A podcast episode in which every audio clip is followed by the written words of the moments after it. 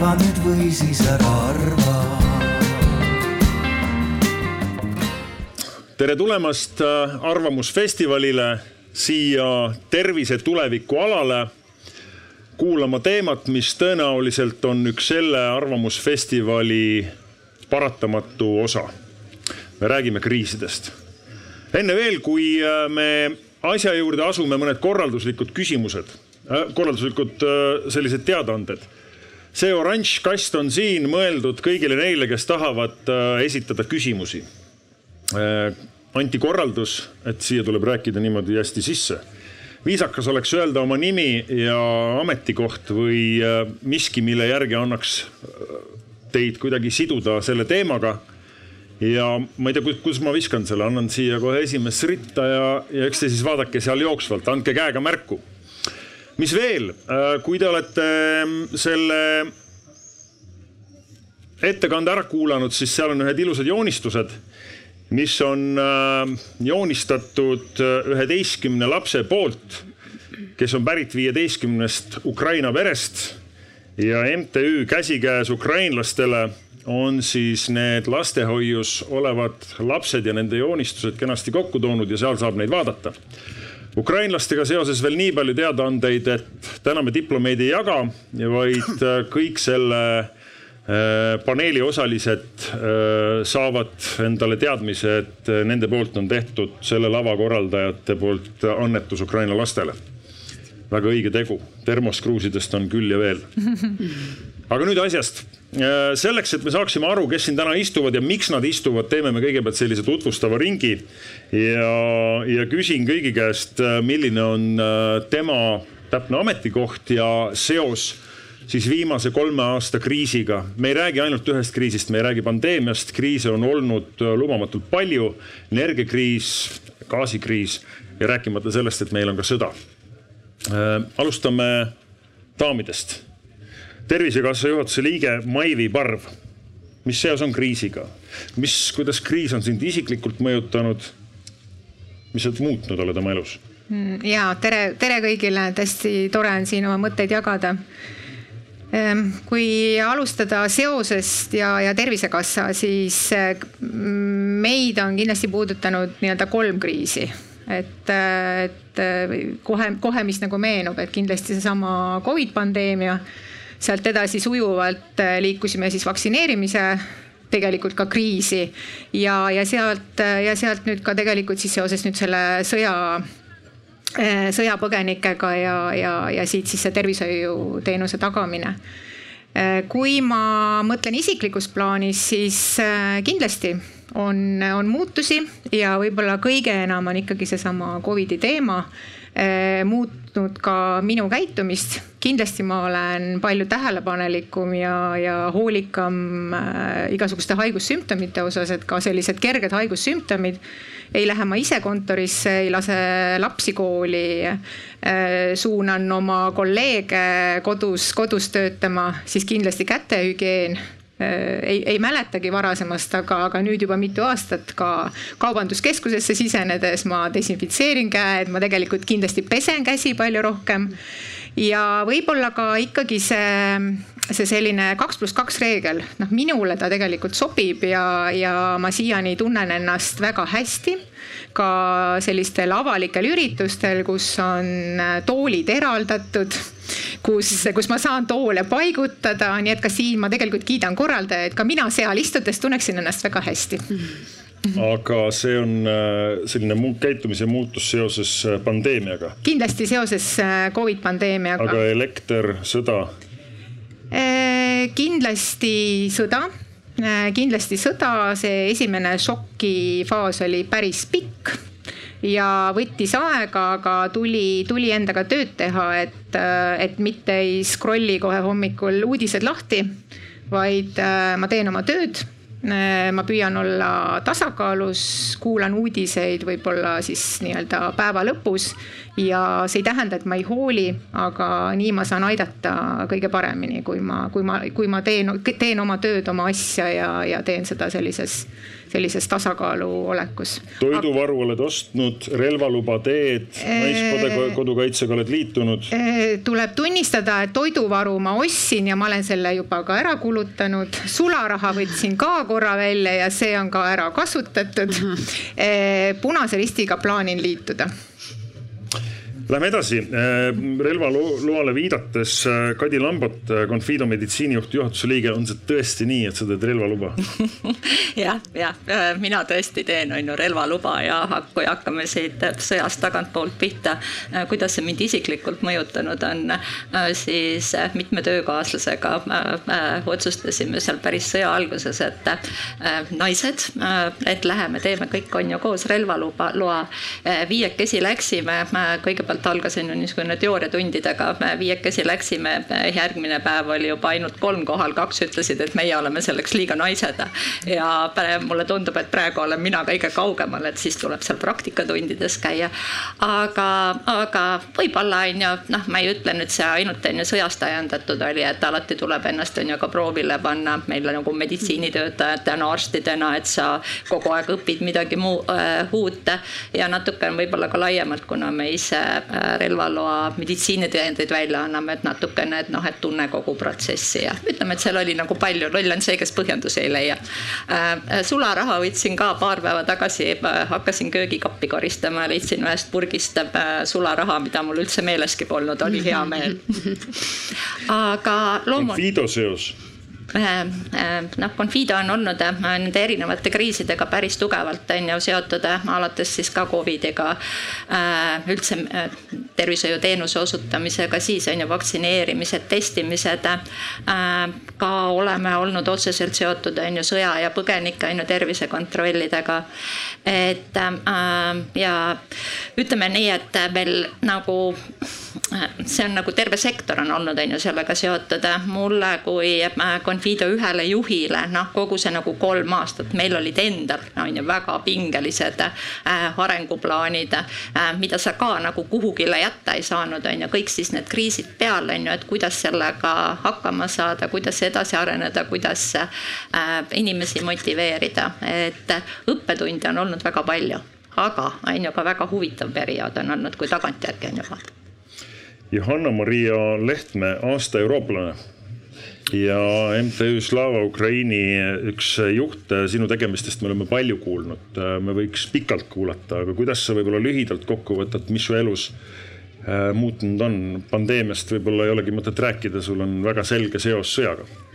pandeemia osas ma võin öelda, et, et Covid mind väga ei mõjutanud, sellepärast et äh, siis oli mu laps üheaastane ja olgem ausad, emad ongi tavaliselt isolatsioonis, on sul ka Covid või ei ole, et kardad, et laps hakkab nutma, kui kohvikusse lähed ja siis pigem istud kodus või käid Kadrioru pargis kaheksa kilomeetrit ringi. et see isolatsioon mind nagu ei, ei kõigutanud, aga noh, muidugi ma olin ettevaatlikum äh, tervise osas aga nüüd on jah, terve elu on muutunud, et, et ma veedan kolm nädalat umbes Ukrainas, Ida-Ukrainas ja kaks nädalat olen siis oma lapsega Eestis, mis ei tähenda, et ma ei teeks kakskümmend neli seitse tööd ka siin. minu ülal pidada on hetkel seitse ukrainlast, kuus, kuus kuni seitse korda vähema palgaga. Ja ütleme nii, et sügist ma väga ei oota, esimeseid kommunaalarveid ma väga ei oota, aga sellegipoolest äh, sellegipoolest ma arvan, et igast kriisist saab tegelikult läbi ja just noh, nagu ütlesitegi, et, et tegelikult igas asjas on omad õppetunnid ja mis ei tapa, teeb tugevamaks, võib-olla küll klišeena tunduda, aga ma arvan, et igast kriisist on väga palju õppetunde tegelikult võtta. sa tulid eile Ukrainast. üleeile vist isegi. mulle tundus, et ma... me rääkisime eile, kui sa olid teel, aga vahet ei ole. mis sel korral äh, teie MTÜ kaudu ukrainlasteni jõudis?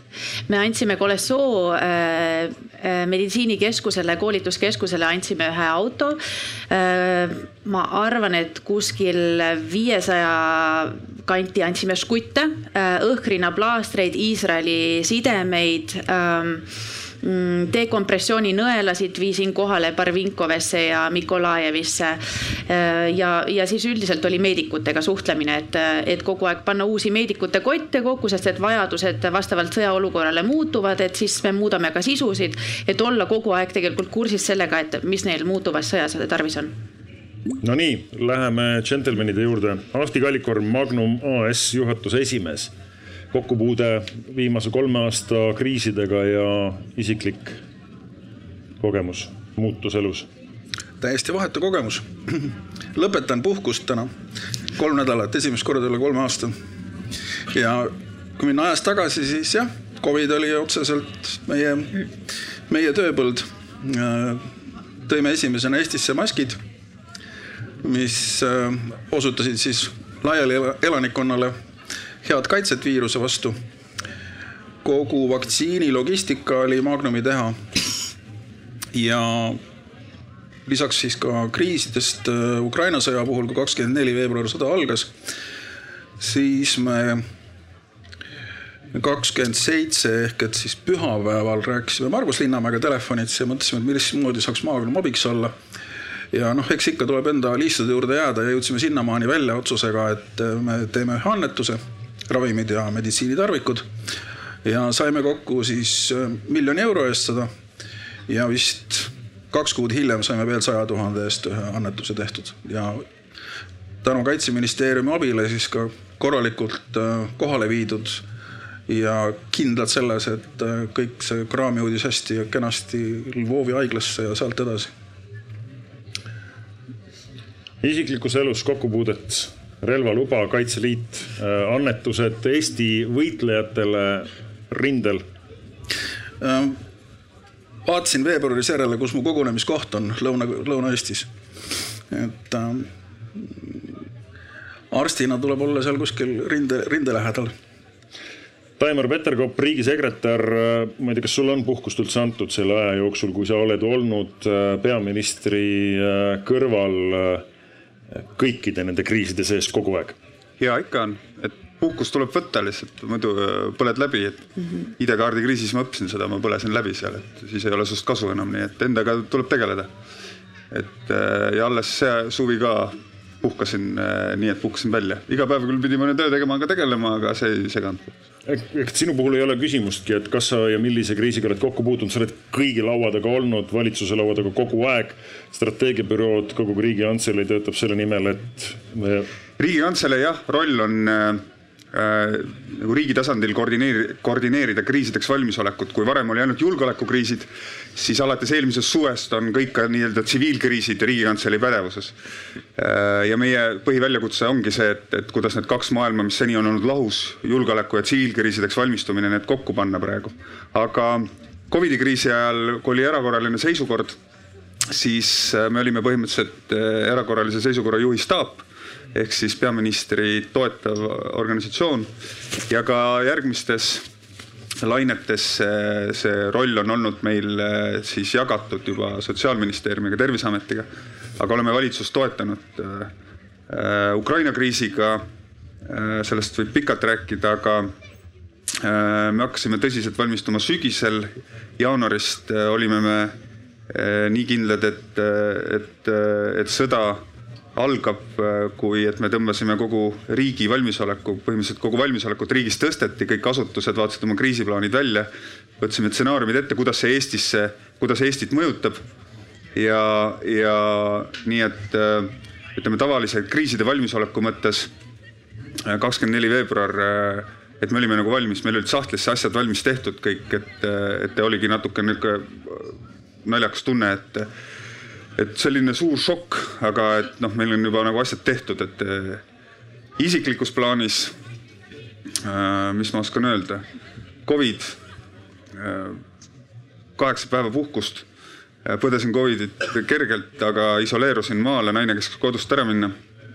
Läksin, olin maal, kunagi ei ütle naisele, lastele, et ma tahan teist puhata. naine ütles, et mine maale, ole seal. olin üksinda maal kaheksa päeva introverdina Covid on andnud mulle ettekäände, miks mitte inimestega suhelda. nii et äh, optimistina ma siin ütlen, et, et on ka nega-, on ka positiivseid külgi selle kogu selle halva asja juures no nii, tutvustav ring on tehtud, asume asja kallale selleks, et aru saada, millised on äh, õppetunnid äh, ja milliseid vigu mitte korrata, peaks kõigepealt projitseerima tulevikku. Äh, lugusid on erinevaid, räägitakse energiakriisist, gaasikriisist, majanduskriisist, järgmisest pandeemialainest ja me, me keegi ei tea, millega lõpeb see sõda. hiljuti olin koos matkal ühe mehega, kes väitis, et räägitakse võimalikust tuumarünnakust, ei tea. Taimar me nüüd ei oota, et sa hakkad rääkima meile lahti punase templiga pabereid. aga kõik need inimesed vaatavad sulle siin otsa. võib-olla mõni on äh, broneerinud endale notaritehingu järgmiseks nädalaks. Ütle nüüd, sina tead, sinu strateegiabüroo on kindlasti selle äh, tulevikustsenaariumi juba selleks sügiseks, talveks ette äh, valmis kirjutanud. mis meid ees ootab? kõigepealt äh, strateegiabüroo on kirjutanud selle Helge Eesti, Eesti kakskümmend kolmkümmend viis. julgeoleku koordinatsioonibüroo on nüüd hirmus stsenaarium, aga sa ütlesid kõik asjad ära, et, äh, et äh, mis meid ees ootab, mis me teame, mis meid ees ootab, jah. Sõjast väga palju põhjustatud kõrge inflatsioon, kõrged energiahinnad majandusprobleemid, mis ma saan aru, on veel analüütikutele toetudes on selline fifty-sixty Äh, kas tuleb ka suur majanduslangus? Ähm, äh, pandeemia äh, jällegi, et, et on oma muutustega, siin on minust targemad inimesed sellest rääkinud. ühiskonna valulävi on kindlasti tõusnud, haiglate valmisolek, ma eeldan, on paranenud. et, et kuidas me sellega toime tuleme, samal ajal kui käimas on, on, on suur sõda. see sõda Äh, ja see sõda ei ole Venemaa-Ukraina vaheline sõda. pangeme ennast Putini kingadesse, see sõda on Venemaa ja Lääne vahel. et meie oleme ka selles sõjas. et, äh, et see sõda mõjutab meid kõige rohkem. Äh, midagi me teame, mis sealt tuleb. põgenikud, tõenäoliselt sügisel see põgenike arv kasvab meil on mingid, mingid stsenaariumid, mis me oleme läbi mänginud, küberründed kaks tuhat seitse aasta olid kordades väiksemate mahtudega küberründed, nagu on praegu meil igapäevaselt äh, peaaegu. ja me elame nendega, need ei mõjuta meie elu, me oleme õppinud sellest kriisist. Ähm, sa mainisid äh, eskalatsiooni erinevaid võimalusi. Ähm, tuumarelva kasutamist, äh, venelased praegu ähvardavad tuumajaama õhkimisega. et eks neid stsenaariume on mitmeid aga vast nagu kõige olulisem, miks ma loodan, milleni me siin täna lõpuks jõuame, on see, et kui keegi läheb homme notarisse tehingut tegema, siis tuleb rahulikult minna, et äh, sellest tulebki rääkida, nagu me siin täna räägime. Äh, ja elu tuleb edasi elada, nagu ma ütlesin, puhkust tuleb välja võtta, ei saa niimoodi, et, et, et kogu aeg ainult jooksed ärevil ja, ja, ja, ja nagu jookseks nagu sprinti. et, et aga ma ei taha siin sündmustest ette rutata, et, et eba, üldine pilt on see, et see konflikt on pikaajaline äh,. uus külm sõda, uus raudne eesriie. meie oleme siin selle raudse eesriie riide ääres, piki Narva jõge, piki meie kagupiiri. selle raudse eesriide reeglite paika loksutamine võtab aega äh,. kuidas me hakkame kaks nädalat tagasi kirjutas Economist väga äh, hea ülevaate sellest, mis saab Äh, Venemaast tulevikus. et see rada, millele Putin on Venemaa pannud, fašismi rada, seda ei saa tagasi pöörata. et äh, ilma, et see režiim sealt kokku kukuks. et äh, ja lugege seda, kui kellel võimalik. Et see kirjeldab seda naabrit, kellega me peame järgmistel aastatel koos elama äh,. me ei pea kartma äh,, aga selleks me peame valmis olema, et see naaber tekitab meile ebamugavusi äh,. nii et see on see ma arvan, mu põhiline sõnum praegu, et ebakindlad ajad, palju asju me näeme ette, nendeks me valmistume, aga kriis on see, mida me ette ei näe. kui me oleme ette näinud, valmistunud, siis, siis ei ole kriis. Aga need asjad, mis me ette ei näe ja neid asju tõenäoliselt tuleb, äh, siis äh, nendega tuleb lihtsalt rahulikult tegeleda, mitte närvi minna ühes kolmapäeva õhtuses telesaates nimega Pealtnägija on pärast sellist betooni üks välislugu, et inimesed saaksid hinge tõmmata ja korra mõelda, et mis see nüüd oli. meil seda aega ei ole, asume asja kallale. Ehm, Johanna, sa vaatad seda, mida just Taimar räägib, kuidagi sellise nagu kerge naeratusega, sest ja sinu naeratus sisendab minusse enesekindlust, päriselt. et äh, sa oled seal rindejoonel väga lähedal olnud. kas seal tunneli lõpus paistab valgus? nüüd see on nüüd teistsugune naeratus, et ei ei, ei paista, et, et kui me siin enne korraks enne vestlesime ka, et, et, et äkki saab siin aasta lõpuks läheb asi vaiksemaks, siis ma, kui, kui ma meie üksustega seal räägin ja meedikutega, et siis keegi seda, sellist nagu lootust ei hellita, et see on ikkagi aastateks ja eriti ebameeldiv oli sellel korral, kui me läksime Zaporižjasse jällegi taktikalist meditsiini kohale viima, siis üks komandir ütles, et vabandust, et ma ei saa nagu äh, teiega isiklikult tulla seekord kohtuma, sellepärast et me lähme tuumajaama juurde. et see ei ole, see kutsutakse Zaporižja tuumajaamaks, aga see tegelikult ei ole seal kuskil kesklinnas, et see on natukene kaugemal. et siis oli küll ähm, ütleme niimoodi ebameeldiv tunne üle väga pika aja.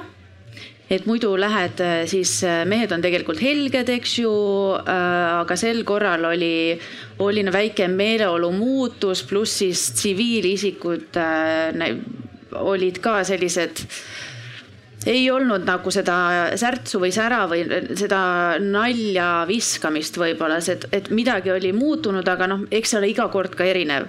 et äh, ja täpselt samamoodi algab äh, sellest sõjast ju ka toidukriis, eks ju, ja käisimegi Mikolajevis, üks vana proua ei suutnud endale piima osta kas ta tahtis tatart või midagi, mis on niikuinii täiesti utoopiliselt kalliks läinud, eks ju, ja kahte õuna. ja tal ei olnud raha selleks et mis sa siis teed, eks ju, et sina oled Euroopast tulnud ja siis sa lihtsalt maksad kõigepealt need asjad talle ära ja siis ütled, et nii, aga nüüd lähme teeme teise ringi ja võtame käru ja siis me viime teid nagu koju et see on seal selle kriisi sees on niivõrd palju erinevaid kriise, eks ju, et sõda, me võtame sõda tervikuna, aga seal sees, et äh, kui me ka meie hakkame valmistuma, juba hakkasime juunikuus valmistuma tegelikult sügiseks ja talveks ja plaane tegema just nagu aastani äh, kaks tuhat kakskümmend kolm märtsini me võtsime lihtsalt, et oleks mõistlik, et me ei võta aasta lõpuni, vaid juba pikemalt. Et, äh, et seal tuleb tegelikult selle kriisi ja sõja sees tuleb valmistuda ette väga mitmeteks asjadeks aga noh, kõike sa ei saa, Taimaril on tegelikult õigus, et sa saad ette valmistada ja siis ei ole kriis, eks ju. aga kunagi sõja kulgu sa ei tea äh, niivõrd täpselt, vähemalt mina äh, tsivilistina ei tea seda kindlasti. aga, aga valmis, ettevalmistusi äh, peame me juba sügiseks ja talveks äh, kindlasti tegema. sügise osas me oleme hiljaks jäänud, aga õnneks Slava Ukraini hakkas valmistuma tegelikult juba juunis selleks no vot ja nüüd me jõudsimegi nagu ivani, et õppetundideni, et äh, aastal kaks tuhat üheksateist aitasin ma siseministeeriumil korraldada elanikkonna kaitse käsiraamatu avalikustamiskampaaniat. ja, mulle meenus äh, toonase Terviseameti kommunikatsioonijuhi äh, selline sõnum, et, et kuigi risk on joonistatud, et üks selline pandeemialaadne tõenäoliselt kriis või hädaolukord tuleb. no me niikuinii ei tea, kuidas see päriselt tuleb ja mis me siin ikka läbi harjutame seda kommunikatsiooni olukorda, et päris lõpuni me ei tea, mis saama hakkab ma mäletan Postimehe peatoimetajat, äh, kes rääkis, et ta, ta teab küll, et kriisiks tuleb valmistada ja ta sõidab iga kord mööda Felixi äh, tehasest, kus on võimalik plokkidena kaup kaasa osta endale suppi, aga juba viiendat aastat sõidab, aga ühtegi korda pole seda supiplokki endale ostnud. vaatan iseennast peeglisse ja mis te arvate, kas ma olen endale ostnud, sõltumata sellest, et ma kõiki neid kampaaniaid olen vedanud. loodan vanaema keldri peale, kus on umbes viie aasta õunamahla ja mustsõstramoosi varu. aga kui me räägime kõigest sellest, arvestades, mida Taimar just rääkis ja kõigest sellest äh, äh, pessimismist, mis paistab Ukrainast vastu. mis on need probleemid, mille me peame täna kohe lahendama hakkama, et olla valmis sügiseks siinsamas Eestis üksikisikuna, kogukonnana, ettevõttena, riigina. kes alustab, palun ma võib-olla alustaksin sellest, et ma pole päris on ju äh, päri on ju selle definitsiooniga, et äh, kriis äh, ei ole etteennustatav. ma arvan, et kriis on on ju etteennustatav. Või kriisi definitsioone ongi on ju nagu väga-väga erinevaid. Ja, ja minu jaoks on on ju kriis see, kui tavaelu protsessid enam ei toimi, on ju, seal on väga selge ajakriitilisus. Ja, ja, ja samas on ju ka ühe definitsiooni järgi, et noh, et kriis äh,, kriis võib olla see, et ta on tõesti raskesti ette ennustatav ja on ju siis ka niisugused meetmed, äh, mis kasutusele saab üldse võtta, et kas nad annavad, on ju tulemusi või mitte äh,. äh fundamentaalne kriis on see, kus maa tõesti on täiesti ootamatu ja ka mõjutamisvahendid on nagu väga väikesed. aga äh, siin Taimari toodud on ju näide ja võtta kasvõi lähi, lähiminevikust ja nüüd nagu enda sektorist. Äh, sõda algas kahekümne neljandal veebruaril, aga äh, mind on ju kui äh, erameditsiini asutuste liidu ühte juhti kutsuti juba jaanuari lõpus läbirääkimistele, nõu pidama, et äh, kuidas põgenikevooluks on ju valmistuda, kui sõda on ju tuleb. et tegelikult on ju ja noh, sõjad, me ei tea küll täpselt, millal nad hakkavad, kuidas nad hakkavad, aga kogu see noh, ei saa ka öelda, et nad ootamatud on. Äh, ja teatud mudelid äh, saad sa läbi mängida ja ma arvan, et need kriisid, millest me siin räägime, ongi niisugused, nad hõlmavad on ju erinevaid valdkondasid ja erinevad valdkonnad on erinevat pidi erinevad erinevates kriisides sinna on ju nagu kaasatud ja niisugune ettevalmistus, läbirääkimine, see on nagu kõige alus. aga see õppetundi probleem, mille sa nüüd sõnastaksid, mille lahendamisega me peame tegelema ähm,? Ähm, meditsiinis öeldakse, on ju, kogu see ennetus ehk on ju ettevalmistus. Äh, mina ütlen, et äh, me peame endale erinevate, erinevaid stsenaariumeid, erinevaid on ju plaane looma, äh, need on ju teoorias läbi rääkima. Need nüansid, mis seal pärast on ju äh, tõesti elu meile ette toob, neid saab, on ju kohandada, aga ettevalmistus on äärmiselt oluline. ettevalmistus on hea. Maivi, Tervisekassa kuidas see kaks-kolm aastat sinu vaatest paistab, teie asutuse vaatest paistab, mis on see probleem? Äh, ma arvan, et siit on nagu hea kohe jutt edasi viia, et jah, ega teooria ongi ju see, et äh, valmistu kriisiks, et äh, siis sa, siis sa see kaks esimest kriisifaasi, seesama šokk ja reaktsioonifaas läbid kiiremini ja, ja jõuad sinna analüüsi ja töötlusfaasi, kus sa juba nii-öelda adekvaatselt käitud ja, ja, ja mõtled. Ähm, tegelikult on, on need õppetunnid kindlasti, neid õppetunde on hästi palju ja rumal olekski ka neid, neid mitte nii-öelda nagu tagantjärgi tagantjärgi nagu läbi analüüsida, et eh, õppetunde võtma peab. Eh, kui, kui nüüd tuua siin mõned, mõned õppetunnid välja, siis ja võib-olla just sellest Covidiga seotud ja vaktsineerimisest, kus minul tõesti oli, oli tegelikult hea võimalus selles, selles projektis olla, olla kakskümmend neli seitse, siis kaks tuhat kakskümmend detsembris me hakkasime vaktsineerima, jõu-, pärast jõulupühi sain teada, et see ülesanne on ees. ja, ja see oli noh, peaaegu aasta oli tegelikult see, see töö. et äh, punkt üks, mm, me tegelikult ei olnud valmis sorry, Taimar sa räägid, et me, et me, et me valmistume, aga tegelikult me jälle tunnetasime, et me ei ole valmis.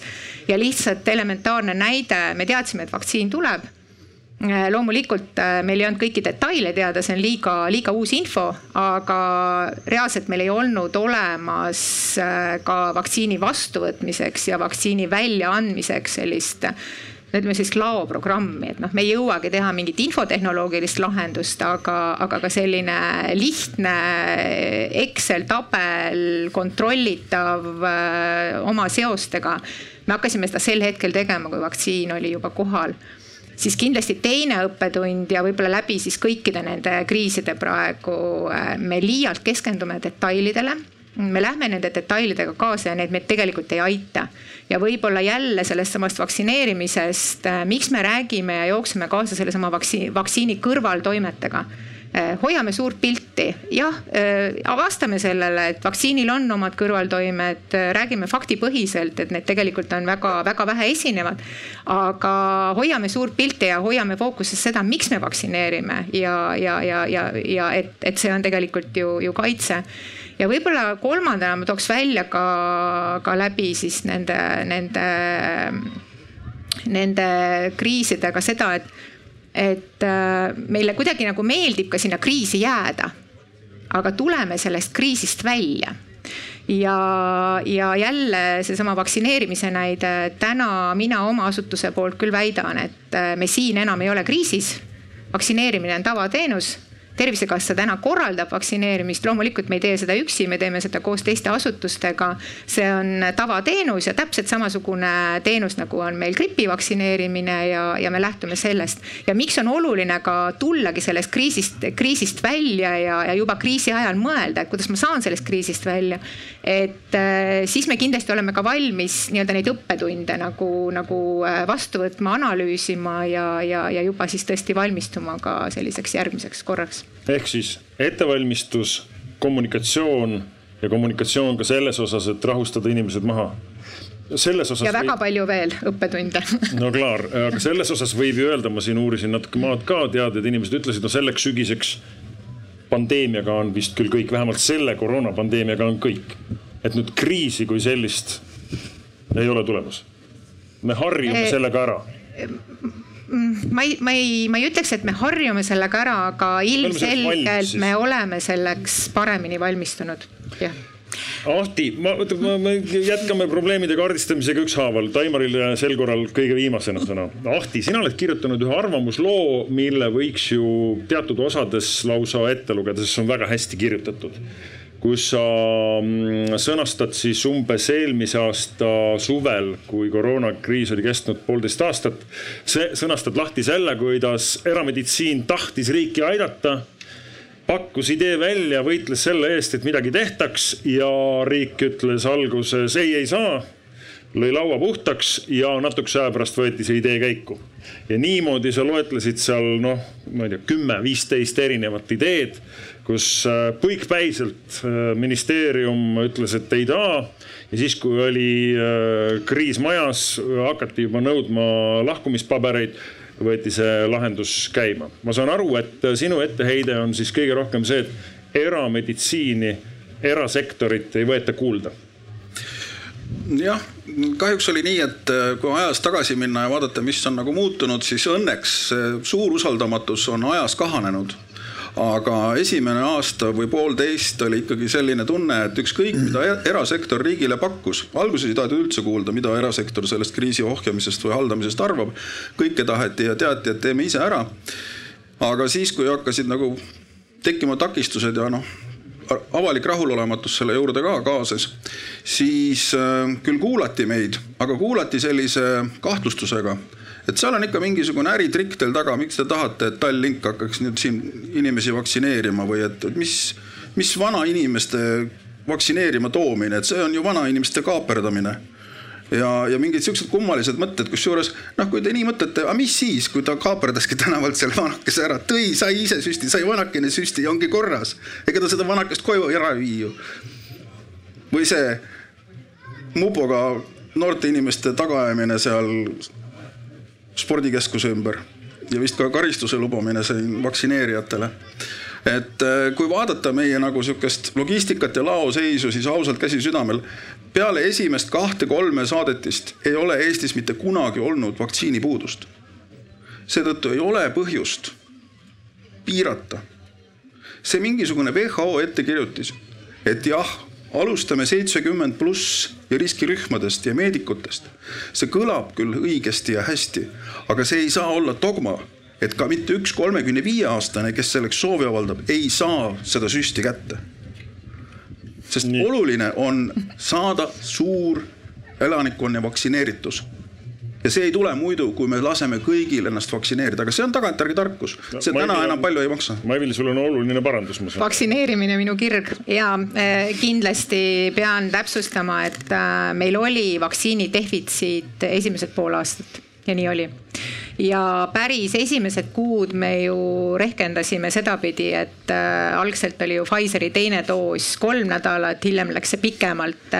me tegelikult viisime selle laojäägi nii miinimumi et me olime valmis ka seda teise doosi aega pikendama, et lihtsalt äh, tehagi neid esimesi doose, esimesi vaktsineerimisi maksimaalselt. ja, ja selles osas ikkagi see otsus oli õige, et äh, tervishoiutöötajad alustasime sellest, eakad kindlasti ka see suur vaktsineerimine kampaania ja muidugi need tagasilöögid, et miks, miks mitte anda nagu veel sealt edasi tõesti laeva peale vaktsineerima, lihtsalt ei olnud vaktsiini.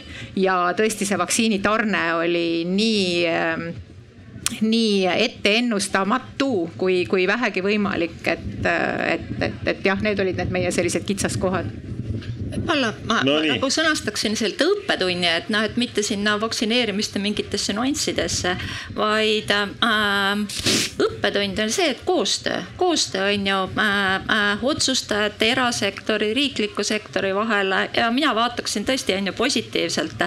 selle viimase kolme aasta jooksul on toimunud vähemalt meditsiini ja tervisesektoris oluline nagu õppetund on ju koostöö tegemise osas ja, ja, ja nüüd, kui siin uued ja järgmised järgmised kriisid on ju peale tulid, äh, siis oli seda nagu esimestest sammudest on ju näha. ja, ja see on äärmiselt oluline ja, ja seda me saame positiivselt kaasa võtta. Ahti, sellega tõenäoliselt olekski tahtnud lõpetada, et olukord on paremaks läinud. kõvasti paremaks. selle sõja valguses meid esimest korda võttis sotsiaalministeeriumi tervishoiu pool kokku kuskil vist oli märts või aprill, kui võeti kokku nii haiglajuhid, hulgimüüjad, apteekrid, sõjaväelased ja Pihula mõisas kaks päeva peeti aru ja, ja tehti plaane, mismoodi me Eestis selle asjaga peaksime hakkama saama. sama hea oleks olnud ka, kui me oleks teinud seda Covidi alguses. oleks kõigil palju selgem olnud algsed positsioonid ja ja mõtted? no päriselt kõrvale teid ka ju ei jäetud, et äh, testimisvõrgustik ehitati ju ikkagi suhteliselt kiiresti üles, äh, loetud nädalatega. testimisvõrgustikule eelnes ju pikalt see, kus testid olid saatanast.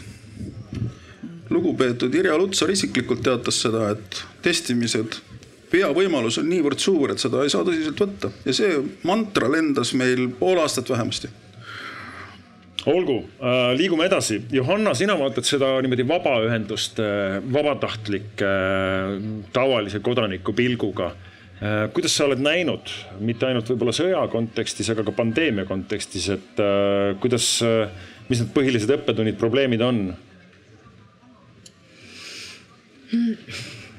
kas inimesed on kriisiks valmis?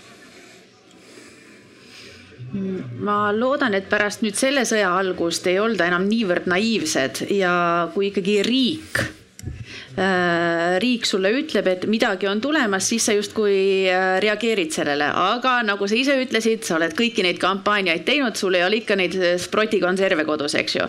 täpselt samamoodi nagu mul on võib-olla kaks purki Ukraina borssi kodus. aga aga mulle meeldis see idee ja ma vist Riigikogus ütlesin ka selle välja, et tegelikult äh, hästi oluline on nendes kriisides, et avalik sektor ja eru, erasektor tegelikult töötavad koos. Ja, ja tegelikult nendes kriisides äh, elatakse, me praegu oleme elanud nagu rahuaja nii-öelda seaduste või reeglite järgi, eks ju, aga kui sa oled kriis, siis sa ei saa olla nendest paindumatu. ja sa peadki leidma endale õiged, kiired, efektiivsed koostööpartnerid. Ja siin ma arvan, et ei, tegelikult ei tohiks vahet teha äh, selles, et kes on avalik sektor ja kes on siis erasektori või siis üldse MTÜ-dest, eks ju et, äh, et meie vabaühendused ja MTÜ-d võivad olla täpselt sama efektiivsed, eks ju, isegi kui nad on noored ja, ja tegelikult pakkuda, me võiksime tegelikult pakkuda üksteisele hoopis tuge selle asemel, et äh, üksteisega konkureerida. Kui põgenikekriis Eestis algas, siis minu arust oli ka seal väike tõrge, et riik liikus tempos X ja vabatahtlikud juba kihutasid autoga piiri peale kus selgus, et tegelikult nad üle ei saa, eks ju, et tuleks välisminister appi võtta, et välisministeeriumi see staap appi võtta, et äh, järjekorrast kiiremini läbi saada, et nüüd see koostöö siis toimib, on sul välisministeeriumi staabiga koostöö olemas? Äh, nad teevad iga või tehti enne suve algust tehti iganädalasi, vabandust, koosolekuid siis MTÜ-dele. Ma pean äh, kahetsusega teatama, et ma väga liiga tihti neil ei osalenud, sellepärast et, et see tähendaks ka, et, et mul oleks nende poolt seda informatsiooni justkui tarvis. et kuidas minna üle piiri või kuidas deklareerida oma meditsiinilist kaupa või kuidas gerilla kiirabisid noh lihtsamini üle saada. aga juhtus nii, et me kõik asjad on eeldeklareeritud, me oleme saanud endale diplomaatilised autod, millega me lähme kiiremini üle kui riigiasutused, eks ju. ja, ja noh, meil ei ole neid kuidagi kahju on öelda, aga et mul, meil nagu selles osas niimoodi igapäevases äh, elus, Slava Ukraini elus meil ei ole äh, riigi tuge tarvis, aga ma, ma väga naudin seda, et, et ma saan minna Kiievisse, istuda meie saadiku, suursaadiku Kaimo Kuusega maha ja, ja teha temaga tulevikuks plaane ja arutada tegelikult tuleviku teemadel et ma arvan, et need mm, igapäeva väiksed, äh, igapäevastesse väikestesse detailidesse ei tuleks, tohiks kinni jääda, vaid vaadati nagu asja suuremalt, eks ju. ja seal võiks olla selline äh, koostöö ja visiooni löömine, et, äh, et, et mida me teeme edasi koos ja kuidas me teeme nagu paremaks, et hakkame siis valmistuma järgnevaid samme, et me oleme siin, kus me oleme. see on, minevik on selja taga, aga et loome nüüd midagi suuremat koos ma haaran kinni su sellest mõttest, et äh, sul ei olegi riigi tuge võib-olla vaja. Äh, siseministeerium tegi ühe hiljutise uuringu, kus ta muuhulgas küsis, et äh, milline võiks olla elanikkonna või inimese enda panus kriisideks valmistumisele ja üheksakümmend protsenti ütles, et tegelikult me ise peame ka midagi nagu ära tegema. loomulikult see peab olema palju suurem tegelikult. kas Ukraina on tegelikult nagu hea näide sellest, kuidas kogukond ei jäänudki niivõrd lootma riigi peale, vaid sai ise aru, et nii, sul on see kastekann, mul on see leib, sul on see jahu, mul on rull, davai teeme no tegelikult kõik läksid ju suure entusiasmiga peale, me hakkasime riideid saatma, eks ju, toitu, kõik jooksid piiri äärde appi, teadmata, mis seal tegelikult toimub. aga riigisiseselt on ka toimuv, toimub tegelikult MTÜ-de võrgustik väga hästi ja sa ei pea isegi selleks MTÜ olema, sa võtad oma naabri ja sa võtad seal Ženja, Tanja kokku ja läks minna, eks ju, teeme selle koos ära et, et ma arvan, et, et see iga inimene tegelikult, kellel on käed otsas, pea otsas, mitte ainult juuste kasvatamiseks, siis, äh, siis paratamatult igaüks meist saab tegelikult teha ära rohkem, kui me teeme ja me saame paremini ette valmistada, sa ei saa riigi, äh, riigi poole kogu aeg näpuga näidata, et teie lollid ei ole teinud ja et miks te ei ole toonud mulle, ma ei tea, neid sprotikonserve siia koju, eks ju. et inimesed peavad tegelikult ka võtma vastutuse iseenda eest ja olema noh, ette valmistunud Nonii, kes on selles saalis ette valmistanud, kes on viimase aasta jooksul ostnud endale koju mingi toiduvaru, tõstab käe püsti. no mitte enamus siiski, aga tubli, väga tubli, väga tubli, on ikka näha, et midagi on muutunud. nii, mis me siis siit kaardistasime? ennetus harjutamine, ettevalmistamine, kommunikatsioon, suhtlus eraettevõtlusega ja tegelikult võib-olla kodanikkond ise peab pingutama. Taimar, mis vastad? on nüüd kõik need mõtted, mis kogunesid. aga kõigepealt see era-avaliku sektori koostöö. et ma ei tea, mis see eestikeelne sõna on, aga inglise keeles öeldakse no-brainer. et ID-kaardi kriis, see ei olnud mingi teema. Guardtime küberneetika, Nortal, eraettevõtted tulid appi, koostöö toimis. et see on, ma arvan, sektori probleem, et siin oli tõrge, võib-olla isegi mingi isikutevaheline, isikutest lähtuv. et Eesti riik on õhuke riik. kui inimesed ootavad, et meie riik teeb ette-taha kõik ära, noh siis ma, mul on hea meel, et meil on, on inimesed, kes meie riiki, riigist nii hästi arvavad. me oleme väga õhuke riik me saamegi teha asju ainult koostöös äh, kogukondadega, äh, ettevõtetega, inimestega, et, et see on, see on selline teema, et, et, et erasektor, kodanikuühiskond ja riik peavad koostööd tegema, et see on elementaarne. et äh, kui midagi teistmoodi on, siis see, see on katki ja seda tuleb ravida. et see on nagu, nagu baas, millest me lähtume. nüüd väljakutsed, mis nagu rii-, ütleme Riigikantselei vaadates, me oleme seal Toompeas, see on juba peaaegu nagu pilvedes, kui me sealt pilve otsast vaatame et äh, meie eesmärk kõikide nende kriiside valguses, äh, äh, mis toimub, on, on see valmisoleku kultuur. on, on see, et me saaksime edasi toimida normaalse riigina, peame me muutuma Lõuna-Koreaks, ma ei tea, Taiwaniks, Iisraeliks ja need on riigid, Taiwan'i puhul ma igaks juhuks ütlen siis riigilaadne moodustis, et mõni Hiina diplomaat siin muidu pahandab. Et äh, kes on väga keerulises keskkonnas elanud äh, aastakümneid ja on eduka toimiva riigi ja ühiskonna üles ehitanud, nemad võiksid olla meile eeskujuks, aga see tähendabki, et igaüks panustab. ja, ja, ja see, millest sa Rasmus juba rääkisid, indiviidi mis roll sul ühiskonnas on, oled, äh, meie siin oleme organisatsioonide juhid, seal ühiskonnas äh, siin vesteldes, teadlikkust tõstes. Kolm aastat tagasi ma olin ühes paneelis, ma ütlen nime ka välja, et modereeris Toomas Sildam, kes ütles ka, et temal ei ole koju mitte midagi ostetud. ma ütlesin talle, et aga noh, muutus ongi siis, kui sa ostad need asjad endale koju, siis on see valmisoleku kultuur, me näeme, et see on tekkimas. et äh, Äh, aga nüüd riigi vaates, mis on kõige olulisem, ongi see, et see kultuur tekiks ja meie jaoks on olulised, et e-, esmatähtis on, et avaliku sektori juhid, nii riik kui omavalitsused teadust, teadvustaksid, et kriisidega tuleb tegeleda, juhid paneksid sinna oma aeda, aega äh,, paneksid sinna vajaliku ressursi oma organisatsioonides, et me hakkaksime valmistuma erinevateks kriisideks. Äh, see on meie jaoks nagu strateegiline väljakutse, osad ministeeriumid, siseministeerium, kaitseministeerium, välisministeerium, viimasel ajal ka MKM, fantastilised. PPA, Politsei- ja Piirivalveamet, iga ülesande, mis sa neile annad, täidavad äh, briljantselt, on minu kogemus olnud nendega. ID-kaardi kriisist ja kõikides muudes asjades. et äh, aga kõik teised asutused ei ole, ei ole nii äh, valmis kriisideks ja neid tuleb kaasa aidata. et äh,, et see on nagu strateegiline väljakutse ja, ja noh, sealt kõik lähtub edasi, omavalitsused ja nii edasi, et ma ei, pikemalt vast ei räägi, et siis äh.... aga, aga, aga vaata korra nende samaste sügistest kriiside peale, et äh, et ma usun, et see ei ole ju nüüd mingisugune väga suur saladus, aga ühel kevadisel Kaitseliidu õppusel, kus ma käisin, äh, noh, mina, kes ma olen ikkagi oma krimiajakirjaniku elu jooksul üht-teist näinud, äh, istusin seal ühe tahvli ees ja mul suu vajus pikaks, sest mulle näidati ära minu positsioon tänava täpsusega. kuhu ma pean minema, kui puhkeb sõda? kus ma pean seisma? see on minu enda kodutänav, vot Balti jaama lähedal. Sest ma olen Toompea malevkonna liige ja, ja siis oli küll, käis selline nagu selline okei okay,. et me räägime nüüd nagu tõsiselt, et midagi nüüd hakkab nagu juhtuma. ja see teooria on ju see, et, et äh, iga kuu aega Ukraina sõda annab Eestile pool aastat pikendust et kui see režiim peaks jätkuma sellisel moel. et äh, kui, kui tõenäoline see on, ärme küsime, ma ei küsi, kas juhtub. Kas Eesti inimesed on sõja puhkemiseks valmis, kas teil on olemas see, mida Maivi ütles, oleme me läbi mänginud, kas meil olemas ennetused, kas meil on koostöös eraettevõtlusega olemas, et me oleme valmis selleks, kui sõda puhkeb? me oleme valmis äh, Eestit sõjaliselt kaitsma.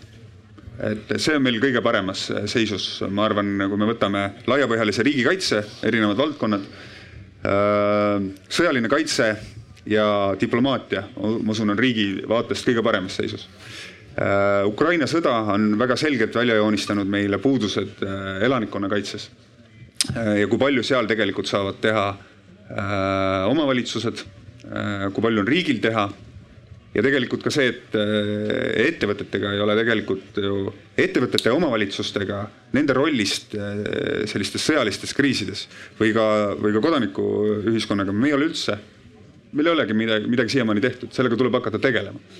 et äh, ja seda on väga raske teha, sest julgeolekukriisid, need stsenaariumid ja kõik see, kogu see maailm on salastatud et kui tsiviilkriisideks valmistutakse nii, et sa peadki kõiki kaasama, kõik tuleb koostöös teha, siis äh, sõjaliseks kriisiks või, või julgeolekukriisideks meil ongi eraldi ressurss eraldatud ja kõik on salastatud, mis sellega seondub, et vaenlane äh, teada ei saaks, mis meie, kuidas me kaitseme ennast.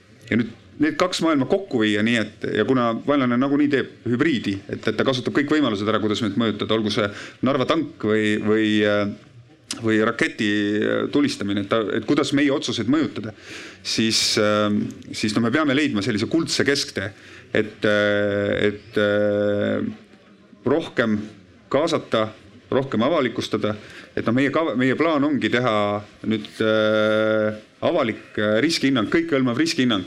Et, et kus meil on, kus riik annab välja nii-öelda ühtse dokumendi, kus on kõik ohud, milleks me valmistuma peame Äh, ära kirjeldatud.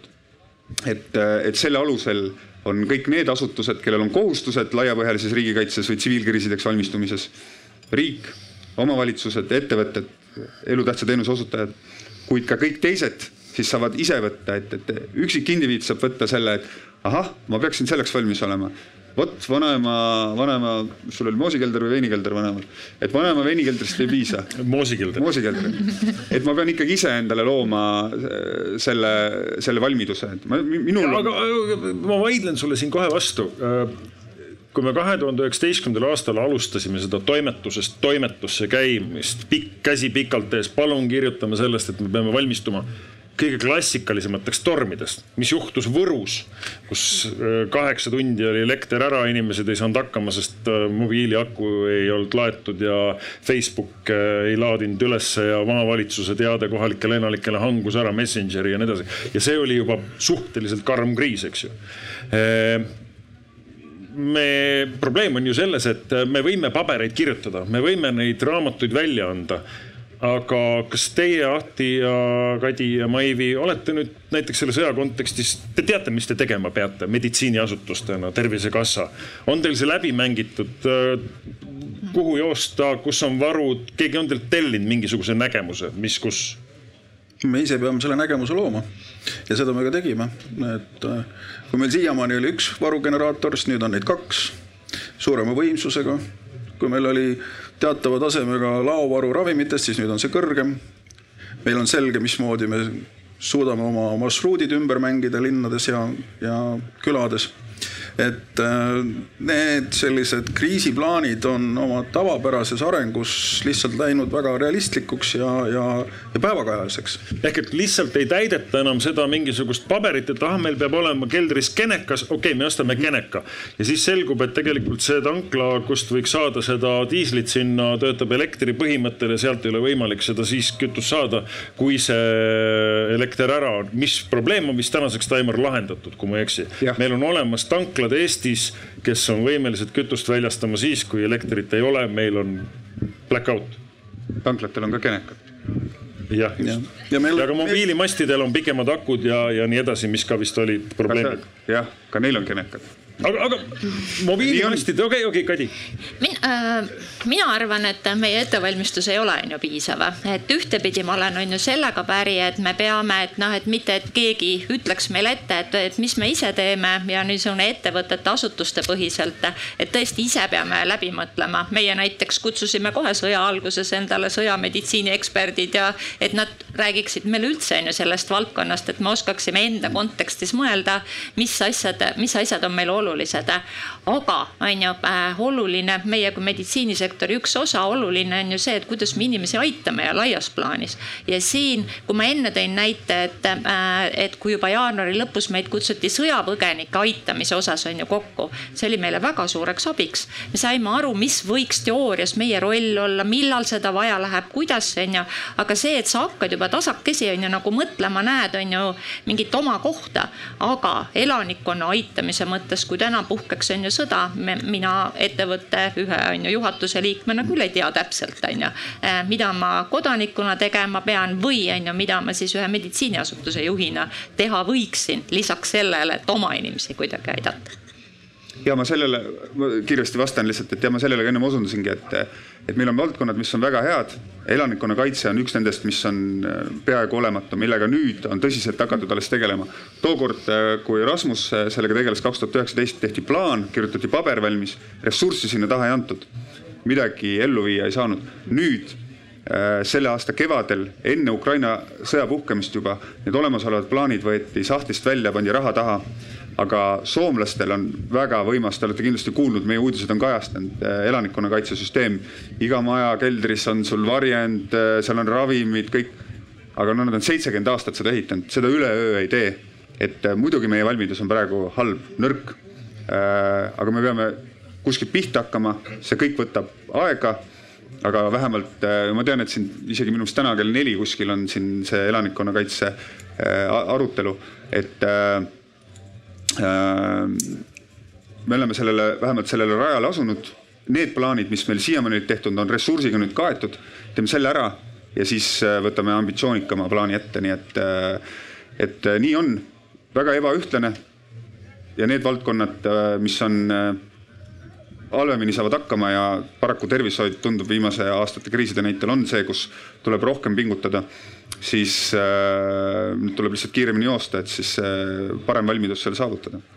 Maivi, kas ma küsin sissejuhatavalt ka, et kas äh, sõja puhul te ootate ka niimoodi nagu juhiseid, et vot Tervisekassa jookske sinna või te ka ikkagi juba toimetate? Äh, me juba toimetame, ma tegelikult olen siin nagu Taimeriga hästi nõus, et äh, see ongi, siin selle initsiatiivi peabki võtma asutuse juht ja tegelikult on meil täitsa septembri esimeses pooles lausa kuupäev juhtide kalendris, kus me terve päev erinevaid stsenaariume mängime läbi. nii et me püüame olla rohkem valmis ja, ja võib-olla veel korraks ka selle era- ja riigiasutuse pool, et, et ma nagu meie sektoris ei näe siin, et see, et siin on nagu mingi ütleme, selline, selline, selline seisak või, või, või mingi väga suur kitsaskoht.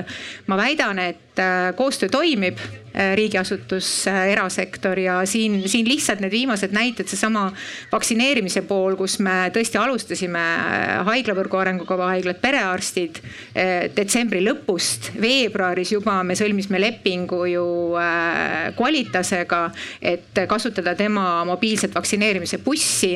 Ja võib-olla viimane näide siinsamas Ukraina sõjapõgenike teemal, et tagades siis põgenikele tervisekontroll, esmane tervisekontroll, siin on kõik kõik teenuseosutajad meil võrdsed. Kõik võivad seda teenust osutada, täna on see võimalik, seda tehakse ja teistmoodi ei saagi, nii me tagamegi meile vajalikult piisavalt laia teenuseosutajate võrgustiku võttes nüüd teie probleemid ja need esialgsed nägemused kokku, et näed, midagi on juba muutunud, siis mul tuli meelde eelmise aasta lõpus Viljandis toimunud Haiglate Liidu äh, üks konverents, mida mul õnnestus siis viimases paneelis modelleerida ja kus selgus üks kummaline situatsioon et äh, kahe tuhande kahekümne esimese aasta novembris ei rääkinud haiglajuhid enam sellest, et raha ei ole. teate, mis oli põhiline probleem, mida kõik tõstsid esile? koostööd ei ole me ei oska enam omavahel teha koostööd, me ei oska omavahel suhelda, me ei oska koos pingutada. kõik olid konkurendid siiamaani. Eh, kas võib öelda, et äh, näed ja vaata, kui hea on näha, eks ju, kõik on siin kenasti seina peal, teevad ühist asja. kas võib siis öelda, et need, see pandeemia raputas meid lahti või rap, on raputamas meid lahti sellest heaoluühiskonna mugavusprintsiibist, kus meile tekkiski lõpuks see elu, millest me aastakümneid olime unistanud, et me saame kell viis minna jooga või korvpallitrenni ja meil on oma nädalavahetus, mida me saame veeta ehk võib-olla, võib-olla see oli see, nüüd me oleme, me saame aru, mis on probleem ja me, me tegeleme kommunikatsiooniga, et riik oskab suhelda eraga. kodanik saab ise aru, et ma pean ise pingutama ja me ei oota käsi pikalt ees, et millal riik midagi suunab mina olen sellega väga päri, et kindlasti kõiki neid õppetunde on meile kõigile on ju tulnud. Ja, ja ega koostööd tuleb ka ju õppida. ja, ja siin enne kui me rääkisime, et noh, et üksikisikuna me peame kõik tundma, et me ise on ju midagi teeme, siis ka kõik ettevõtted, me oleme ikkagi ühendatud anumate süsteem on ju selles mingis on ju sektoris, tervishoiu valdkonnas. Ja, ja sellepärast me olemegi siin on ju rivis, et me oleme väga selgelt on ju ka õppinud on ju seda koostööd tegema. ja ma võiksin tuua kümneid näiteid, noh, mis minu meelest, mis on väga hästi, on ju, nagu viimase äh, siin paari aasta jooksul ka koostöö vallas on ju noh olnud ja, ja meid edasi viinud. ja see annab ka julgust, et järgmisteks suurteks on ju katsumusteks äh, me, me, meil on see meeles ja oskame ka kokku tulla ja, ja ühiselt ära teha väga hea, kas riik on ka lükanud teise käigu Taimar sisse? Ma pean silmas näiteks seda, et äh, olin hiljuti Rally Estonial, mida aitan korraldada ja tegelikult tajusin seda ka täna juba siin. kuna meil ei ole 5G-d, siis äh, ühel rallikatsel juhtus selline situatsioon, kus üks isa kaotas oma tütre ära, neil mõlemal oli telefon. Nad olid harjunud selle meeletu mugavusega, et kõne ja me leiame üksteist üles, tule selle telgi nurga juurde. aga kuna meil ei olnud seal võimalust, ükski kõne ei läinud läbi sest nii palju rahvast oli, üle pinge oli, siis sellest tekkis kerge paanika. siis seda seal lahendasid seal turvamehed ja seal mingid abilised ja nii edasi, nii edasi, nii edasi eh, maailma eesrindlikum digiriik Eesti on kuidagi sattunud oma 5G loomisega Euroopas viimaste sekka. see on hea õppetund hea õppetund, et ka ametnikkonnas peab midagi muutuma. kümne aasta jooksul ei ole loodud ühtegi tuuleparki, mistõttu me seisame sellesama energiakriisi lävel. Kas need on õppetunnid, kus ka ametnikkond saab aru, et rohkem julgemalt, rohkem kiiremalt, asjast sisulisemalt ja teeme sellest SKAIS2-ga lõpuks nii valmis, nagu kõik seda ootavad. mitte, et kuus erinevat meditsiiniorganisatsiooni loovad oma IT-süsteemi nojah, sellisele asjale muidugi lihtlausega vastata on keeruline, et muidugi, muidugi kõik õpivad äh, kogu aeg. samamoodi ja ma pean siin alustuseks ütlema, riik, see pole mina. et, äh, et riigil on väga palju erinevaid, äh, meil on väga detsentraliseeritud riik. ja no nii on, et asutused on erinevad, mõned saavad paremini hakkama, mõned halvemini ja loomulikult kõik õpivad, üritavad paremini teha ja väga palju sõltub jällegi juhtide kvaliteedist, julgusest. Äh, siin äh, Johanna mainis, kuidas kriisides tuleb kiiresti otsustada, julgeid otsuseid teha, no see on, kriisides tuleb juhtimiskvaliteet eriti eredalt välja. ja avalikus sektoris, kus sa peamiselt tavaliselt saad, oled sa poliitik või ametnik, sa saad lihtsalt kogu aeg sisse, keegi ei ütle aitäh. siis üldiselt see on noh, see on klišee, et, et kui sa hoiad kõrvad pealegi ja paned pea laua alla, siis on sul suurem tõenäosus ellu jääda, kui julged otsuseid teha, nii et see keskkond väga ei soosi seda. aga, aga ma olen nagu optimistlik jällegi, et ma arvan, et on õpitud, tehakse paremini, et äh, kõigil nendel, mis sa osundasid, on mingid omad põhjused, ma ei ole ekspert 5G äh, alal ma võin kaasa rääkida, tuuleparkide osas mitte, 5G alal ma arvan, see suuremas plaanis võib olla positiivne, et me oleme tagaplaani, tagarinnas, et, et meil ei ole Huawei tehnoloogia siin praegu kõik, mida me peaksime hakkama miljardite eest ümber vahetama paari aasta pärast. et võib-olla see, see väike tõrge pikemas plaanis on meil kasulik. ja just nimelt sinna ma tahtsin ka jõuda, et võib-olla see on seesama äratuskell mugavustsoonist kus inimesed peavad õppima üksteisega rohkem, samamoodi suhtlema nagu meditsiiniasutused omavahel riigiga. et meelde tuletama, et ärme usalda seda telefoni, sest homme võib see olla tumm. õpime selgeks jälle selle Moskva esise või selle konkreetse kuuse õpime ära, et meil naabril. kriisivalmidus, et sul oleks see asi kodus, mitte vanaema veinikelder. täpselt, see on moosikelder. ma ise teen sinna neid moose äh,. Johanna Priit Pulleritsule antud intervjuus sa räägid sellisest nagu raputusest, mis sinuga toimus pärast seda, kui Ukrainas algas sõda, et enne seda sa olid selline, kes muretses, et oi, et kas ma oma sellest palgast saan selle kommunaali makstud ja oi, et kas see gaasiarve saab tasutud ja noh, täna sõltumata sellest, et need on kõik kerkinud umbes kahe või kolmekordseks, sa üldse ei mõtlegi selle oma mingi sissetulekuga, mis sul seal oli hoiad sa täna üleval ühteteist inimest? nüüd on seitse. okei okay,, seitse. kaks said, kaks said Ameerikasse ja, ja, ja siis äh, Harkivi inimesed ka veel lahkusid. et kuulates nüüd kõike seda, millest me räägime, võis su sees käia läbi, et no ikkagi nagu, et see heaoluühiskond elab neis veel edasi. ütle nüüd, ütle nüüd meile niimoodi nagu sealt värskelt tulnuna Ukrainast, milleks me tegelikult, kuidas me tegelikult peaksime valmistuma mm,? ma ütlen seda, et tegelikult noh, Priidule ma andsin selle intervjuu kevadel, eks ju, et see ei olnud liiga hiljuti, et mul see tundub juba sada aastat tagasi. aga tol hetkel jah, ma ei mõelnud, aga nüüd äh,, nüüd, nüüd ma mõtlen jälle selle peale, sellepärast et, äh, et ka võrreldes eelmise suvega, eks ju, oli kahjuks minu elektriarve nüüd seitsekümmend viis eurot kallim, eks ju. ja lapsehoidja eile küsis, et kuule, et ma ei tea, et äkki kuidagi hoiame siit kokku või pühapäeviti ei pea saunas käima ja noh, tead sellised väiksed asjad, aga teda hakkasid juba need häirima ja ma lugesin Delfist, mis on noh, venekeelne, et ma lugesin Delfist, et nüüd sellel ajal on elekter liiga kallis, et ära nüüd pesumasinat pesema pane. ma ütlesin, ma ei ole noh, viis kuud sõja algusest saati ühtegi pesu pesnud, eks ju, aga selge, ei, ei puutu.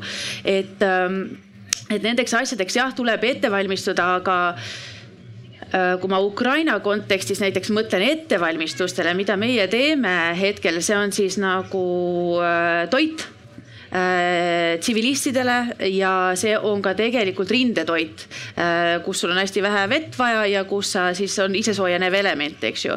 täpselt samamoodi peame me mõtlema sellele, et äh, kuidas sõdurid äh, ja meedikud riidesse saada, sellepärast et sul on tarneahela probleemid, eks ju, sul ei ole seda kamuflaažkangast, eks ju, siis isegi kõige suurema tahtmise korral, äh, kui ma soovin osta Magnumilt või Semetronilt, eks ju, musti skutte, siis öeldakse mulle, et sorry, aastal kaks tuhat kakskümmend kolm veebruaris need tulevad sinuni.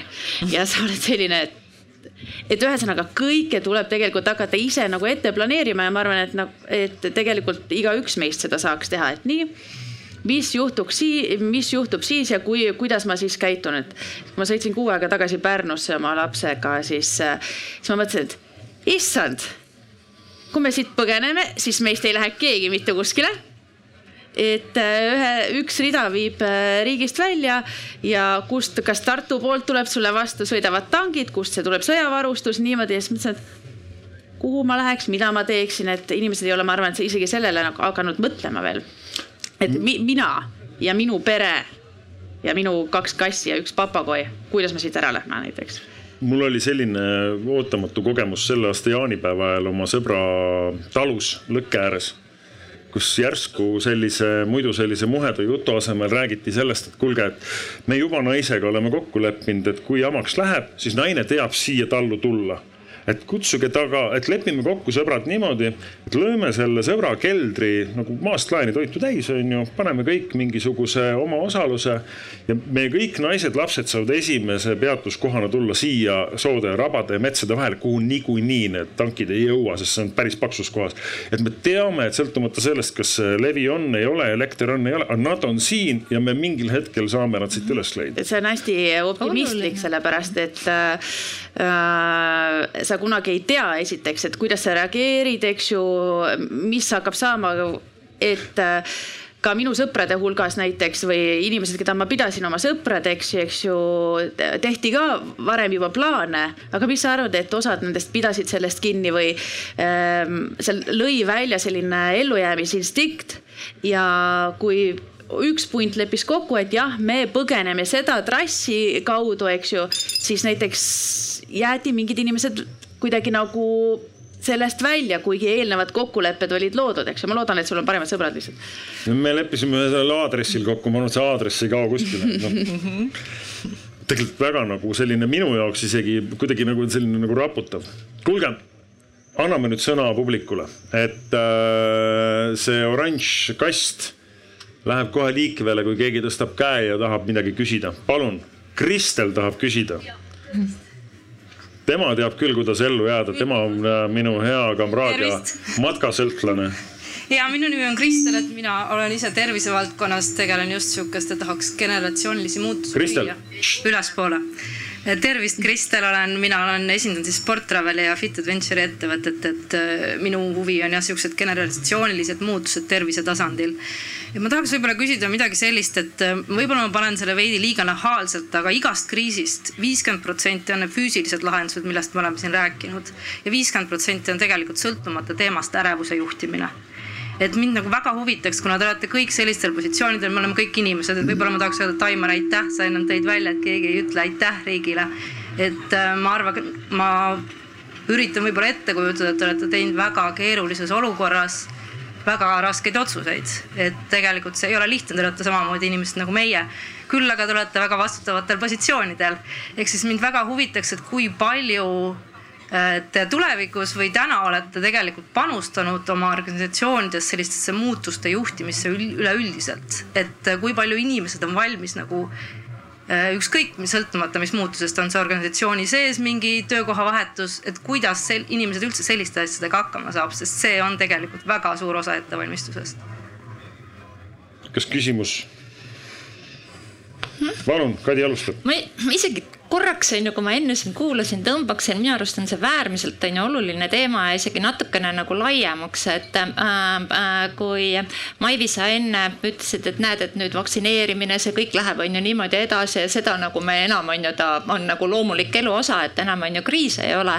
siis vaata neid aspekte on alati on ju nagu erinevaid ja üks on ju äärmiselt oluline aspekt, mis me kriisides peame, et noh, et vaktsineerimise pool küll on ju, et noh, et äh, nüüd haigestumine või inimese on ju tervis, aga tegelikult nagu hoopis nagu laiem aspekt ja oluline aspekt on, on ju kogu nagu, nagu äh, äh inimeste on ju psühholoogiline on ju tervis, vaimne tervis. ja, ja siin ma julgeksin öelda, et äh,, et noh, et me mõnes mõttes oleme täna on ju vaimse tervise äh,, vaimse tervise kriisis äh, kogu on ju ühiskonnana ja, ja loomulikult on ju, me peame üks jälle üksikisiku tasandil, nüüd sina küsisid on ju ettevõtte, organisatsiooni tasandil on ju, kuidas me sellega tegeleme, aga on ju ka nagu laiemalt on ju vaatama ja, ja, ja see vaimse tervise, vaimse tervise kriis, et noh, et meil oleks piisavalt on ju pädevust üksikinimese tasandil, kollektiivide tasandil. aga on ju siis ka tõesti juba on ju, kui tegemist on nagu haigusega, kes need aitavad, kuhu inimesed, kas meil on, on ju need ressursid olemas. et see on nagu äärmiselt oluline ja, ja niisugune üks on ju võib-olla ka nagu väljakutse, et kui me ühiskonnana on meil ikkagi elu tervikuna on ju paremaks läinud, aga tõesti see nagu psühholoogiline tervis, vaimne tervis, ma julgen öelda, et äh, oluliselt äh, pigem on, on ju siin viimase kahekümne aasta jooksul äh, viletsamaks läinud. et me ka tulevikukriisideks valmistudes on ju, peame mõtlema seda, et, et noh, et kuidas nüüd tõesti need ka otsustajad on ju nagu ellu jäävad ja kuidas me nad nagu ellu jätame, et noh, et ainus strateegia ei saa olla see, et tõmba pea, kuidas sa ütlesid, pea käte vahele ja pane pea laua alla on ju, et siis saad suurema tõenäosusega ellu. Ehm, me äh, jah, et võib-olla niisugune nagu laiemalt. Raimar ja et oma, ma räägin oma organisatsioonist ja kõigepealt äh, lihtsalt otsustajatest, et äh, ma olen näinud kahte peaministrit, kes on suure pühendumuse ja, ja südamega seda tööd teinud.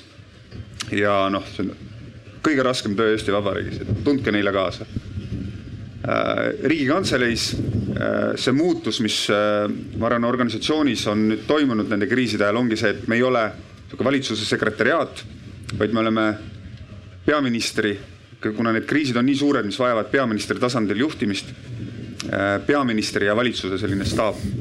ja kuna ettearvamatust on nii palju, siis on see inimestel mentaliteet, nad peavad olema ootamatusteks valmis. et et juba see ootuste juhtimine on see, et me ei ole enam selline tavaline sekretäriaat, kes teeb äh, kaheksast viieni või üheksast viieni mingit kindlat asja, vaid me peame kogu aeg olema suutelised midagi uut tegema. et äh, eile tegime Covidit, homme veame tanki ära, et äh, kõigepealt see ootuste juhtimine on, on paigas ja siis on kogu see tugi, mis sa annad jah, et sa inimestega räägid pidevalt meil on äh, vaimsed tervisenõustajad on äh, kõigile võimaldame noh, sportimine, massöörid, et noh, nii palju, kui me oskame teha, arutame neid teemasid, seminarid. et, et me teadlikult tegeleme sellega, et seda, seda me oleme viimaste aastatega teinud. ja noh, nüüd ma siin praalin, iga juht peab endast ju hästi rääkima, aga me just viisime läbi pühendumusuuringu. ja, ja, ja võrreldes äh, erasektorist ma ei hakka rääkimagi, sest erasektoril on ikkagi tulemuste tootmine väga oluline, avalikus sektoris seda ei ole. aga avaliku sektori asutustega võrreldes, et meil on seis päris hea, me oleme ikkagi nii inimeste rahulolud kui pühendumuselt oleme tipus. et, et see tähendab, me oleme õigesti teinud minu jaoks, juhina see oli mulle väga positiivne tagasiside nii Maivi? Äh, võib-olla nii palju lihtsalt, ma olen hästi nõus äh, Kati ja Taimariga, et, et ka tõesti Tervisekassas see, see, see kõik on nii, aga, aga võib-olla veel, et mis nagu töötab, et kui Äh, kui see muutus on toimunud ja see muutus töötab, et siis hoia seda fookuses ja toeta seda. ja, ja seesama Covid pandeemia, kus me kõik äh, siirdusime kodukontoritesse ja Tervisekassas ka klienditeenindus tegelikult äh, läks ju üleöö kodukontorisse ja, ja pidi saama hakkama ja saigi hakkama, et me tegelikult hoiame seda tähelepanu all siiamaani. ja see, ja see on meie asutuses selline vastutusvabadus, et tõesti, sa võid igal pool, ükskõik kas meie neljas kontoris, kodus, maakodus, sa saad läbi laptop'i ühenduse, kõik koosolekud tehtud.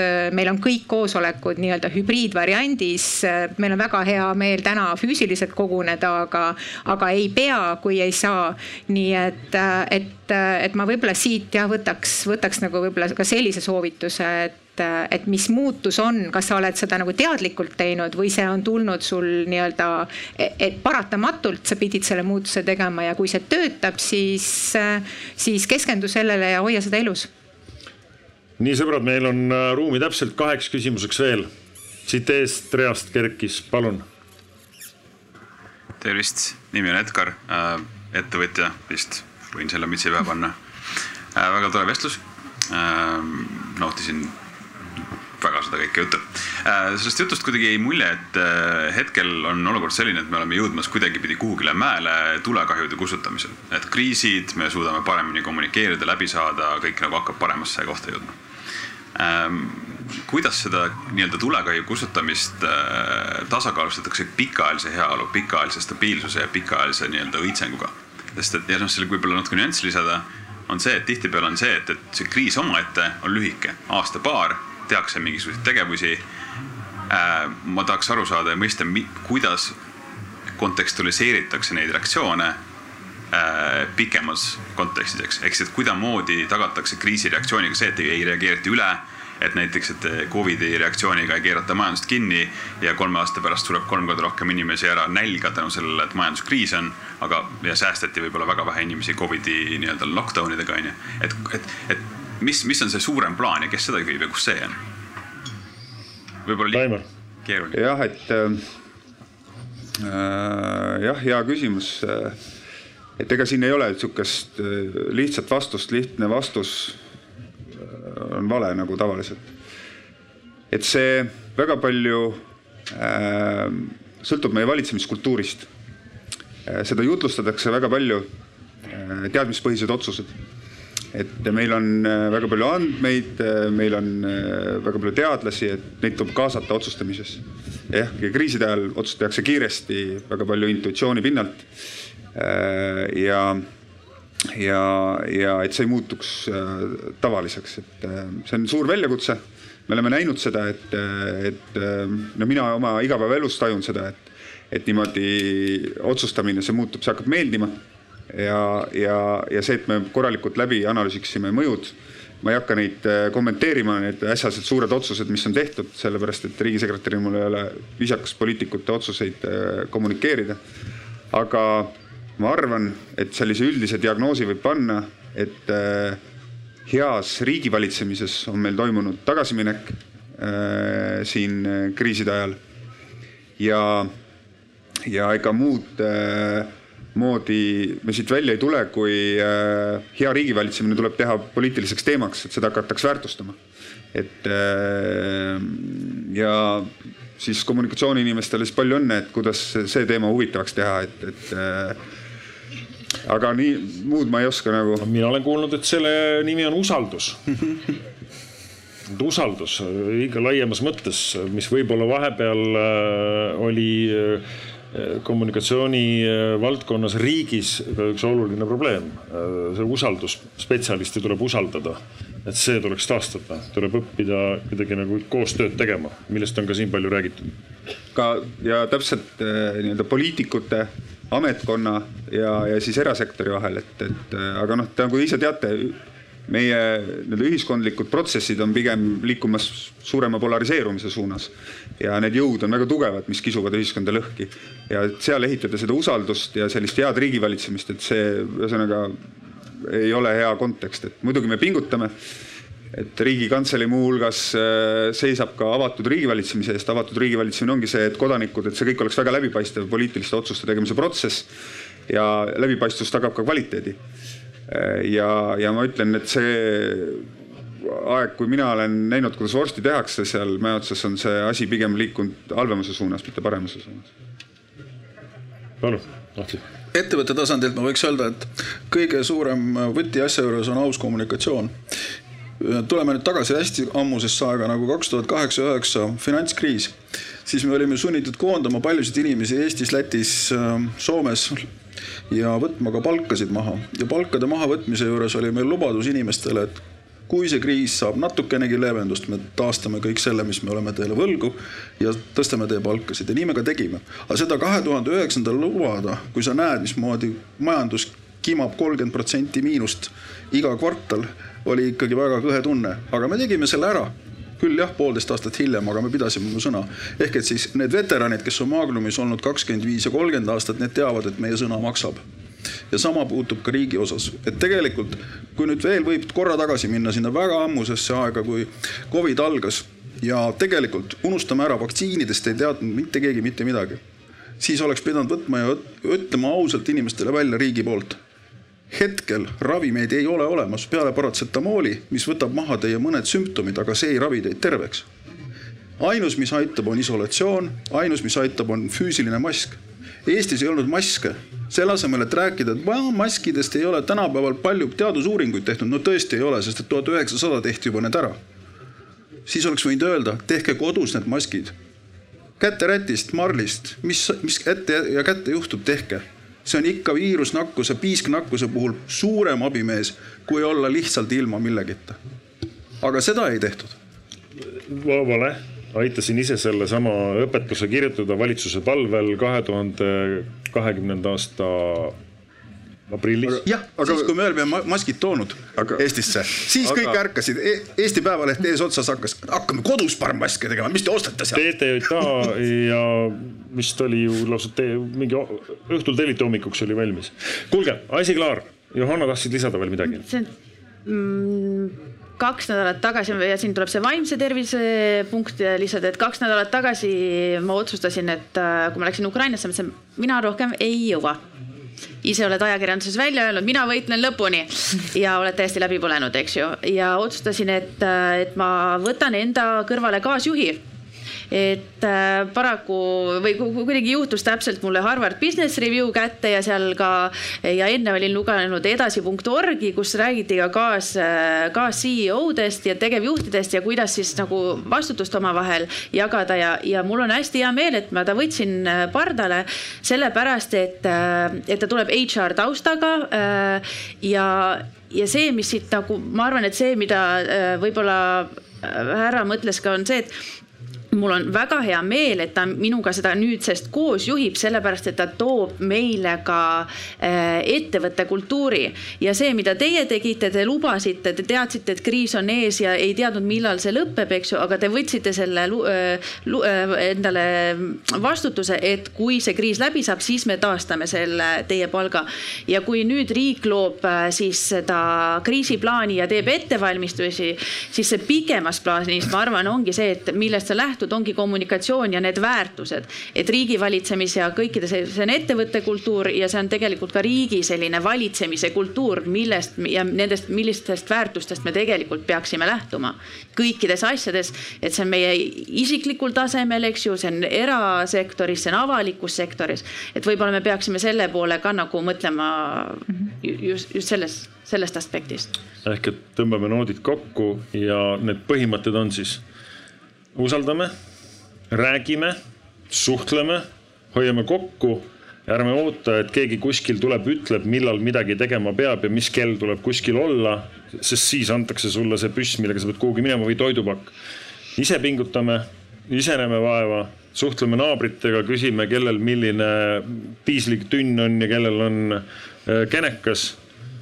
ja kui riik saab veel appi tulla pärast seitsmendat päeva, sest seitse päeva tuleb ise vastu pidada, siis on väga hästi mina, mina tahaksin, see on veel nagu läheb. seal äh, moosikeldris on viieks aastaks õunamahla, kui keegi tahab, võin tuua me, mina arvan, et me peame veel omakorda minu jaoks, mulle õudselt meeldis see küsimus ja nagu see teema, aga siin me enam ei jõua. et räägi, mitte räägi. ainult, et ei usalda, vaid ma arvan, et üks õppetund, mis me peaksime veel nagu läbi ka tegema, on see, et nüüd erinevatel tasanditel riik on ju, kuna siin nagu meditsiinikriisidega või meditsiinikriisi kriisiga on tegemist ka olnud, et kuidas on ju ka andmeid kasutada. see, kui andmed kogu aeg on ju uuenevad, mis tasandil keegi kuskil on ju nagu võtab, et me ei hakkaks on ju propagandat tegema või on ju, kui äh, tulevad on ju ka vastasleerid ja äh,, ja, ja neid argumenteeritakse on ju teadusele, et kuidas selle kõigega nagu hakkama saada. ja kuna see ongi nagu piisavalt on ju keeruline on ju valdkond ja, ja kus, mis kastides, kus on ju mingeid otsuseid tehakse. Et, et, et kuidagi seda nagu seda tarkust on ju veel õppida, et ma näen, et siin on nagu väga palju on ju nagu kasvuruumi ja mis aitaks ka äh, seda tulevikku paremini ette vaadata, modelleerida, ma ei tea, seda nimetatakse meditsiiniökonoomikaks või mis iganes on ju ökonoomikaks. et aga see eeldab on ju tarkust ja arusaamist ja, ja, ja ma arvan, et, et sellega peaksime päris palju veel tegelema ühe küsimuse, kiire küsimuse võtame veel. kellegi. ahah, aga see on kiire küsimus, see läheb pikale, ma tean, me oleme eelmine aasta juba kohtunud. see läheb pikale, seda ma tean, nii äh,. suur tänu, daamid ja härrad äh,. kriisist räägitakse sellel Arvamusfestivalil veel juba kell neli äh, siinsamas pealaval. juhtus nii, et ka mina olen seal ja mina tänan teid, võib-olla Slava Ukrainile üks mõte, ma tahaks näha, kuidas teil läheb erasektoriga koostöö, ma panen teid proovile kohe. kas sa tead, mis asi on LHV kasvukonto? ja ma oman seda. ma tahan, et seal oleks Slava Ukraini MTÜ äh, fond sees, et igalt minu ostult vaikimisi läheks teie fondile toetus. ma arvan, et minult tuleks iga nädal umbes kaksteist kuni viisteist eurot iga nädal lihtsalt sellepärast, et kui ma ostan leiba, mis maksab kakskümmend senti, siis ta ümardab euroni, millest kaheksakümmend tuleb sulle. see oleks väga kena, sellepärast et kui me eile finantsjuhiga koos istusime, siis äh, ma mõtlesin, et millisest aknast välja hüpata. sest et äh, juunikuus äh, tuli annetusi summas nelisada kakskümmend üheksa tuhat ja juulikuus oli see kuuskümmend üks võib-olla aga tehke see ära ja näidake, et erasektor ja vabatahtlikud suudavad kokku hoida, tehke see ka Swedis ära, et iga inimene saab kasvukontos nagu selle endale valida. ei ole, see ei ole midagi erilist. kuulge, suur tänu äh, näitus, veel kord Ukraina laste joonistatud pildid elavad Põhja-Tallinnas eh,. mis veel, kas mul jäi midagi ütlemata? ja diplomeid me ei saa raha läheb Ukraina lastele kõikide osalemise eest. aitäh. selge see, et ega kõike teha